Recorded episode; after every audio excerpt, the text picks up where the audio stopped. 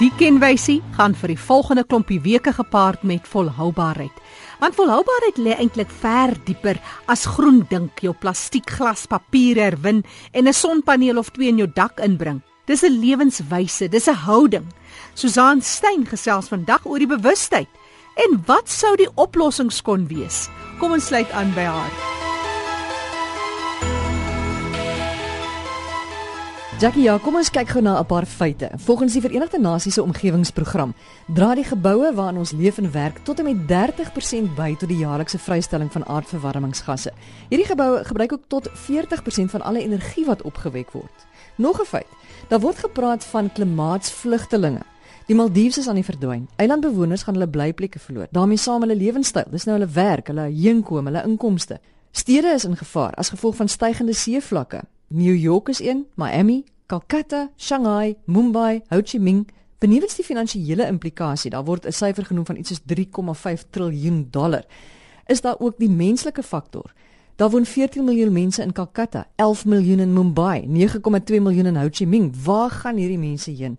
Wat gaan dit doen aan die omgewing om hulle te akkommodeer? Die ekonomie. En dit is nie oor 1000 jaar nie. Dit is teen 2070 wanneer die baba wat jy nou verwag of jou kleinkind wat nou gebore is 56 jaar oud is. Dis nie so ver die toekoms in nie. Kenners meen dis die vernietiging van die aarde en ons natuurlike hulpbronne en die implikasies wat dit inhou is 'n groter gevaar vir ons veiligheid as selfs terrorisme. Ek wil net gou weet van Siska Kreer. Sy is van Asa Sustainability Partners. Dis 'n maatskappy wat sakeondernemings adviseer op die gebied van volhoubaarheidsstrategieë en hernubare energie en skoon brandstof. Sy self ook is 'n omgewingsregsgeleerde en spits haarself toe op volhoubaarheidskwessies. Siska, volhoubaarheid is geen nuwe woord op RSG nie. Ons praat baie daarvan. Ons gaan probeer om dit nie holrig te ry nie, maar net vir die doeleindes van ons program gee asseblief vir ons 'n definisie. Volhoubaarheid word vreeslik dikwels gebruik in alle forme en in, in baie kontekste. Oorspronklik kom volhoubaarheid van die definisie van volhoubare ontwikkeling wat 'n paar dekades gelede deur die Brundtland Kommissie vasgestel was. En losweg beteken dit dat ons van die aarde en van ons stelsels gebruik moet maak soveel soos wat ons nodig het om te kan ontwikkel, maar nie meer as wat ons nodig het sodat die geslagte wat na ons kom nie dieselfde voorregte kan geniet as wat ons geniet nie. En is dit wat ons doen op die oomblik of wat gebeur daar buite? Vandag is daar bewyse dat ons 3 keer meer gebruik van wat die aarde kan verskaf. Met ander woorde, daar's 'n term wat hulle noem overshoot.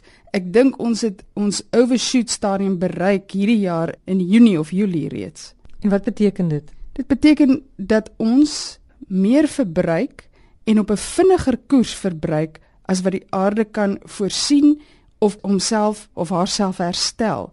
Die aarde is 'n verskriklike sensitiewe stelsel wat baie dinge aan mekaar gekoppel is. En op die oomblik neem ons net te veel van die aarde vir die aarde om haarself te kan herstel vinnig genoeg. Binne hierdie konteks is daar ander groot makrotendense. Daar is 'n geweldige populasiegroei. Ons is op die oomblik by 7 miljard mense. Gekoppel daaraan is daar ook geweldige ekonomiese groei. Met ander woorde, hoe beter mense af is, hoe meer gebruik hulle. Hoe meer jy kan spandeer, hoe meer gaan jy koop, hoe meer gaan jy verbruik, hoe meer energie gaan jy verbruik. Om vir jou 'n visuele voorbeeld te gee, kan jy jouself indink van wat gebeur in die bosveld om 'n dam water. Gedurende droogte seisoen, die water raak minder en minder.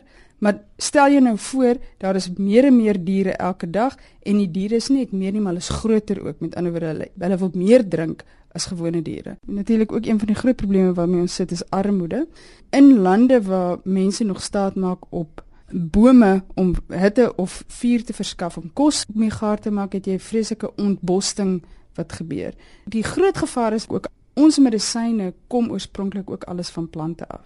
Ons is nie bewus daarvan nie, maar ons mag moontlik dalk die volgende oplossing vir een of ander siekte uitwis deur bome af te kap of bosse te vernietig. So jy daai makrotendense en dan wat dit baie interessant maak en gekompliseerd maak is klimaatsverandering wat byvoeg tot die kompleksiteit van waar ons onsself bevind vandag. Siska, ons gaan nou verder gesels want ek wil ook hoor van projekte waarvan jy weet wat mense aanpak om hernubare energie te skep of skoon brandstof. Maar ons bly by klimaatsverandering. Dit is 'n wesentlike probleem wat al hoe meer erken word deur kundiges.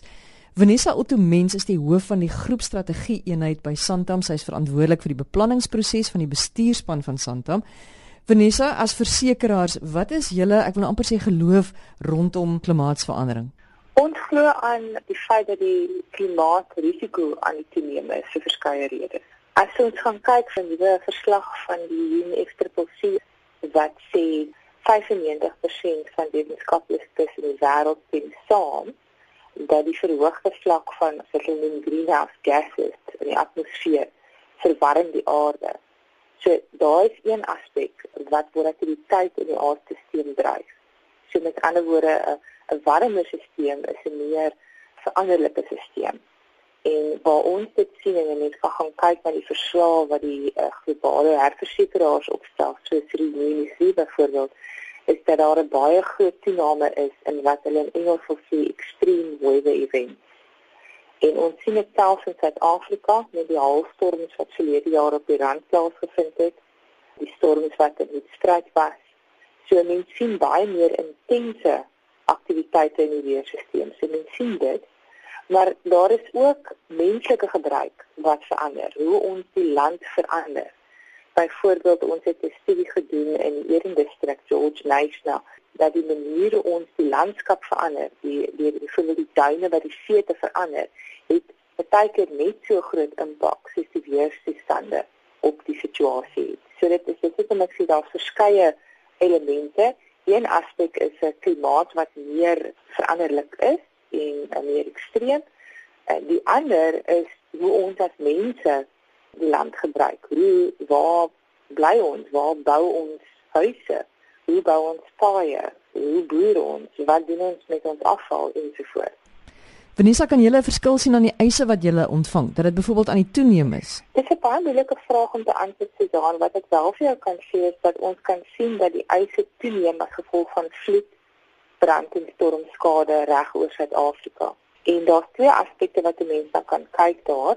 Die een is die hoeveelheid wat ons van die bates uh on, wat uh um, onder uh versekerings staan in hoë risiko areas. So praktiese voorbeeld sal wees as daar nou 'n groot woonareas gebou word in 'n gebiede wat ons wil sê benefietgebiede is, dan gaan jy meer eise hê. So mens kan nie net sê dis die klimaat dit is ook die mens se se bestuur van ons eie aktiwiteite. So as jy nou 'n huis gaan neersit in 'n vloedgebied van 'n rivier, dan gaan die kans mos nog groter wees dat daar eise gaan wees. As jy dan nou by dit sit hoe ons stroom op die land bestuur, as 'n boer byvoorbeeld nie die rivier oor goed bestuur nie, as al mense wat 'n plantasie met 'n plantasie bedryf is, nie nadat hulle die hout afgekap, die bome afgekap het, weer nuwe bome inplant nie, dan het jy 'n stelsel wat meer riskant is. En ja, die eise neem toe as daai stelsel nie goed bestuur word nie. Baie dankie Vanessa Ottomen, sy is die hoof van die groepstrategie eenheid verantwoordelik vir die beplanningsproses van die bestuurspan van Santam. Nou sou ek gepraat van leierskap wat baie belangrik is om ons hulpbronne te beskerm, om die omgewing te bestuur, om belangrike besluite te neem soos waar gaan ons ontwikkel en en en waar nie om ons aarde te beskerm. So ons kry gou inset van Dirk Visser, hy is die senior programbestuurder by die Universiteit van Cambridge se program vir volhoubaarheidsleierskap. Hulle is hier, hulle het hier 'n kantoor in Kaapstad. Dirk, voel julle dat leiers genoeg doen om die omgewing te beskerm of die aarde se hulpbronne te beskerm en bewus genoeg is daarvan? Wel ek dink daar's 'n groot mate van mondelings ondersteuning van die volhoubaarheidsprobleem by die politieke en sakeleiers. Sê almal dit is 'n groot en ernstige kwessie ongelukkig dink ek sien ons nie naaste by genoeg regte aksie nie en want die aksie wat dit wat benodig word benodig 'n groot mate van ehm um, jy moet regtig braaf wees om om dit te doen want dit is 'n redelike groot verandering van hoe dinge tans bestuur word en min leiers by die sake of in die publieke sektor het al regtig gedoen wat nodig is want baie mense sê wel ons doen maar wat ons wat ons kan ons probeer meer doen of ons probeer minder van 'n negatiewe effek hê. Maar wat regtig nodig is is 'n redelike groot verandering in in baie van ons stelsels en stelsels. Wat is hierdie verandering? Wel dit, dit het te doen met hoe ons produseer, so met ander deelbronne wat ons gebruik in ons produksie en dit dan ook doen met hoe, hoe ons verbruik, want die twee is is nou gekoppel. Dirk baie dankie. Dis Dirk Visser, hy is die senior programbestuurder by die Universiteit van Cambridge se program vir volhoubaarheidsleierskap. Ons gaan in die toekoms weer met hom gesels. Ek wil net gou-gou vinnig praat met Heinrich Wolf, hy is van Wolf Argitekte. En Heinrich, ek wil net weet, is daar tekens dat argitekte deesdae al hoe meer bewus is dat ons aarde beskerm moet word? Suid-Afrika is daar nuwe bouregulasies wat uh, baie spesifiek wetlike perke stel aan die hoeveelheid energie wat 'n uh, gebou sê maar kan wen deur die son of verloor deur hitteverlies. So dit maak 'n groot impak op die boubedryf. Maar ek dink daar is 'n groeiende bewustheid onder professionele mense, ingenieurs en argitekte en so aan dat ons moet meer versigtig wees in hoe ons dinge doen en hoe, hoe ons ontwerp en dat ons weet ons kan beter doen as wat ons het in die verlede. Heinrich Wolf baie dankie. Hy is van Wolf Argitekte hier in Kaapstad en ons gaan nog met hom gesels oor geboue en aardbronbeskerming. Maar Siska Kreer van Asa Sustainability Partners is nog hier by my in die ateljee. Siska, ons gaan net vinnig kyk na 'n paar projekte wat jy genoem het van mense of besighede wat daadwerklik 'n poging aanwend om hernubare energie of skoon brandstof te skep. Susan, iemand het eendag vir my gesê, weet ons gaan terug na die Karoo plaas toe, want jy en kan dink dat jy sit op 'n Karoo plaas en alles wat jy daar het, kan jy weer gebruik vir iets anders. So, ek dink aan 'n projek wat ek onlangs van te hore gekom het wat brander energie gebruik vir die opwekking van elektrisiteit vir 'n maatskappy se kragbehoeftes. Ek dink aan 'n projek wat daar bestaan om uh, wanneer gemors basies besig is om te ontbind, dan stel dit gasse vry. Hierdie tegnologie vang daai gasse op en gebruik dan daai gasse om energie voort te bring.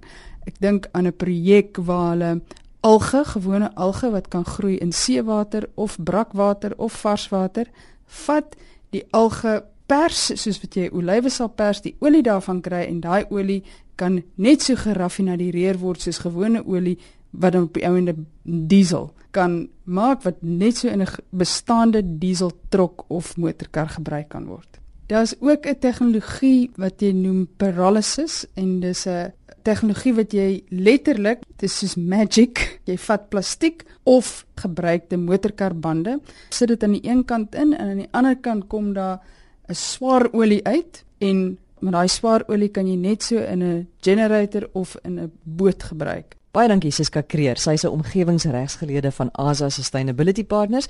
Hulle help maatskappye met volhoubaarheidsstrategieë en ook maniere om hernubare energie en skoon brandstof te skep. Volgende week gesels ons verder oor internasionale en plaaslike volhoubaarheidskwessies en ons gaan kyk na die maniere waarop dit ongemerk 'n al groter wordende rol in ons alledaagse lewe begin speel. En die bydraes versorg deur kollega Susan Stein daar uit die mooie Kaap. Volgende week soos hy beloof, is hy terug met nog 'n kwessie oor volhoubaarheid.